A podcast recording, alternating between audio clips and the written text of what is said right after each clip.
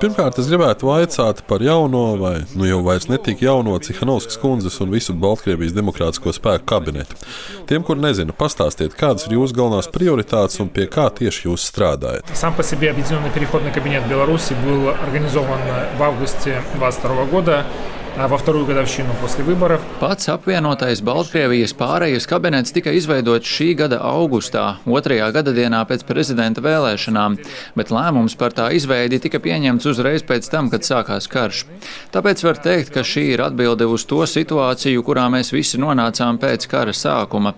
Baltkrievijas demokrātiskajiem spēkiem tas nozīmēja, ka mums ir jārisina ne tikai iekšpolitiskā krīze Baltkrievijā, bet arī jāizdara viss iespējamais, lai aizsargātu mūsu neatkarību neatkarību. Kad Aleksandrs Lukašenko uzaicināja Krievu spēkus ierasties mūsu valstī, neprasot viedokli tautai, viņš ne tikai rīkojās pretlikumīgi, viņš arī radīja draudus mūsu neatkarībai, nodeva Ukraiņus un pārkāpa arī virkni Baltkrievijas likumu. Tāpēc mūsu pirmais uzdevums pašlaik ir aizsargāt mūsu valsts neatkarību un virzīt valsti pretī tam, lai mēs varētu atbrīvoties no diktatora režīma.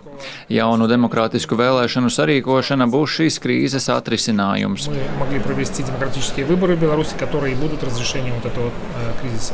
Šajā situācijā, kad visa uzmanība ir pievērsta karam, cik jūsuprāt šie mērķi ir izpildāmi? Vai jūs jūtat pieprasījumu pēc šādiem procesiem Baltkrievijas iekšēnē? Мы чувствуем эти, этот запрос. Более того, мы говорим так, что этот неразрешенный кризис в Беларуси, он стал той средой, той питательной средой для Лукашенко и Путина. Protams, ka mēs jūtam šo pieprasījumu. Vēl vairāk mēs uzskatām, ka šī neatrisinātā krīze ir kļuvusi par to auglīgo vidi, kura veicina Lukašenko un Putina iespējas uzsākt karu pret Ukrainu. Ja nebūtu Lukašenko, šī kara nebūtu vispār.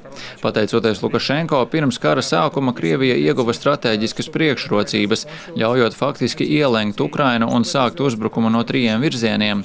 Tāpēc, ja mēs gribam, lai šis karš beigtos, viens no ceļiem ir atrisināt iekšpolitisko krīzi Baltkrievijā.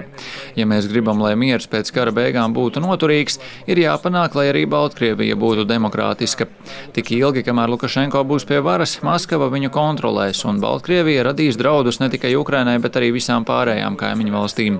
To jūs redzējāt jau pagājušajā gadā, kad režīms sagrāba Ryanair lidmašīnu, kad tika uzsākta migrācijas krīze, kas skāra arī Latviju, Lietuvu un Poliju.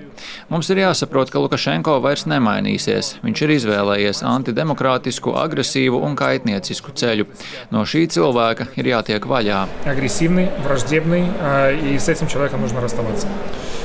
Pēdējo nedēļu un mēnešu laikā man ir radusies sajūta, ka brīdī, kad uh, galvenokārt ārzemēs dzīvojušie demokrātisko spēku pārstāvji uzsāk kādas darbības, uh, Baltkrievijas iekšienē notiek vai nu jaunas tiesas, vai nu tiek piespriesti barīgi cietumsodi. Kā jūs paši jūtat, uh, kā tas, kas notiek Baltkrievijā, ietekmē arī jūsu darbības? Un kā jūs, prāt, Baltkrievu tauta uztver to, ko darāt jūs? Безусловно, для нас очень важно все, что происходит в Беларуси, и вся наша деятельность направлена на то, чтобы привести изменения Protams, mums ir ārkārtīgi svarīgs viss, kas notiek Baltkrievijā, un visa mūsu darbība ir vērsta, lai novestu valsti līdz demokrātiskām pārmaiņām. Tas, ka tur visu laiku notiek tiesas procesi un represijas turpinās, pirmkārt liecina, ka cilvēki nav padavušies un viņi vēlas pārmaiņas. Otrakārt, režīms jūtas ārkārtīgi nepārliecināts par sevi. Lai arī kopš vēlēšanām ir pagājuši jau divi gadi, lai arī Lukašenko ir teicis, ka vēlas pāršķirt lapusi, aizmirst un atgriezties priekšvēlēšanu laikā, ir acīm redzams, ka Baltkrievi no tā atsakās. Tāpēc vienīgā Lukašenko atbilde ir vardarbība, nelikumības un represijas. Tāpēc mēs atkārtoti uzsveram, ka šis režīms nav leģitīms, ka tas ir bankrotējis. Un šis noskaņojums sāk iet pāri malām. Lukašenko pirmo reizi savas valdīšanas laikā nav nobijies un kļuvis par apdraudējumu starptautiskajam mieram un drošībai. Ja mēs skatāmies, kā jūsu kabinets sevi ir pozicionējis ārvalstīs, tad jāsaka, ka no rietumu puses atbalsts ir diezgan liels. Taču pēdējā laikā jūsu valdības un tieši jūsu viena no galvenajām prioritātēm ir attiecību nodibināšana ar oficiālo Kijevu un jūsu atzīšanu Ukrajinā. Taču nevarētu teikt, ka Ukraiņu puse jūs uzņem ar atvērtām rokām. Kā jūs to vērtējat? Мы понимаем, в каких обстоятельствах находится официальный Киев. Для нас это абсолютный приоритет, поскольку... Mēs saprotam, kādā situācijā pašlaik ir oficiālā Kīva, taču šo attiecību veidošana ir absolūta mūsu prioritāte. Mēs saprotam, ka Ukrainas nākotne un uzvara šajā karā ir ārkārtīgi nepieciešamas, lai Baltkrievija saglabātu savu neatkarību. Tāpēc mēs turpināsim virzīties šajā virzienā. Vienlaikus mēs arī saprotam, ka Kīvas varas iestādēm pašlaik ir ļoti augstas likmes. Viņi cenšas izvairīties no tās situācijas, kurā Lukašenko viņu darbības varētu uzskatīt par provokatīvām, un tas varētu kalpot par pamatu pilna apjoma iebrukumam Ukrainā. Vai nu izmantojot savus bruņotos spēkus, vai nu radot jaunus apstākļus Krievu spēkiem.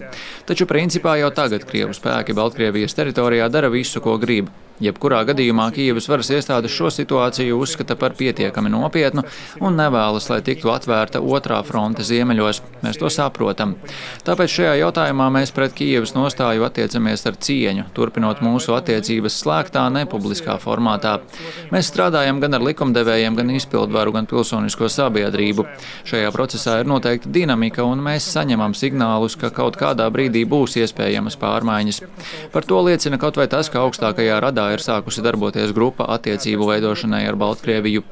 Mēs esam pacietīgi un saprotam, ka Kīivas varas iestādēm ir nepieciešams laiks un īpaši apstākļi. Taču tas mūs neaptur gatavoties tam brīdim, kad mūsu attiecības kļūs oficiālas. Gatavoties tam periodam, kad mūsu attiecības būs oficiālas. Runājot par jūsu kabinetu, ļoti daudz tiek runāts, ka visas jūsu darbības notiek klusi un ļoti publiski. Arī jūs paši neslēpjat, ka runa ir par sarunām, par kurām daudziem pat nevajadzētu zināt. Taču es arī redzu, ka Baltkrievijas sabiedrībā aug tāda kā nepacietība un ir pieprasījums visu darīt ātrāk un aktīvāk. Kā jūs raksturotu jūsu turpmākās darbības un vai esat izvirzījuši kādus termiņus savu mērķu sasniegšanai? Да, конечно, нам всем хотелось бы как можно скорее вернуться домой, именно домой в демократическую нормальную страну. Но в то же время мы имеем дело с режимом, который уже 28 лет. Jā, protams, mums visiem gribētos atgriezties mājās, brīvā un demokrātiskā valstī. Taču mums ir darīšana ar režīmu, kas jau 28 gadus ir nodarbojies ar to, lai stiprinātu savas pozīcijas, lai atbrīvotos no konkurentiem, iztīrītu pilsonisko sabiedrību un medijus. Tāpēc mums priekšā ir ļoti smags darbs. 2000 2020. gadā, mūsu ceļa sākumā, mēs gribējām atgriezties mājās jau uz jauno gadu. Tas neizdevās un situācija ir pamatīgi ievilkusies. Taču mēs arī redzam, ka mūsu spiediena un starptautiskās sabiedrības spiediena dēļ režīms joprojām jūtas ārkārtīgi nepārliecinoši. Tas pieļauj ārkārtīgi daudz kļūdu. Tas pats rada apstākļus, kuros starptautiskais spiediens tikai palielinās. Protams, visu gribētos panākt ātrāk, taču tam mums ir nepieciešams starptautiskās sabiedrības atbalsts. Nevienmēr mēs to esam saņēmuši savlaicīgi un nevienmēr pienācīgā apjomā. Taču tieši tagad šī palīdzība mums ir nepieciešama vairāk nekā jebkad iepriekš, jo Baltkrievijas neatkarību apdraud Krievija, kas ir kļuvusi par ārkārtīgi agresīvu valsti. Ukraina savā cīņā par neatkarību un pret Krieviju saņem tai paredzēto palīdzību. Baltkrieviem tieši tāpat ir nepieciešama šāda palīdzība. Lai aizsargātu mūsu valsti, mēs neatsakāmies no saviem uzdevumiem, sava pienākuma un atbildības, bet mums, protams, ir nepieciešama starptautiskā palīdzība. Ответственности за то, чтобы защищать нашу страну. Но нам, конечно, нужна помощь. Спасибо большое. Спасибо вам.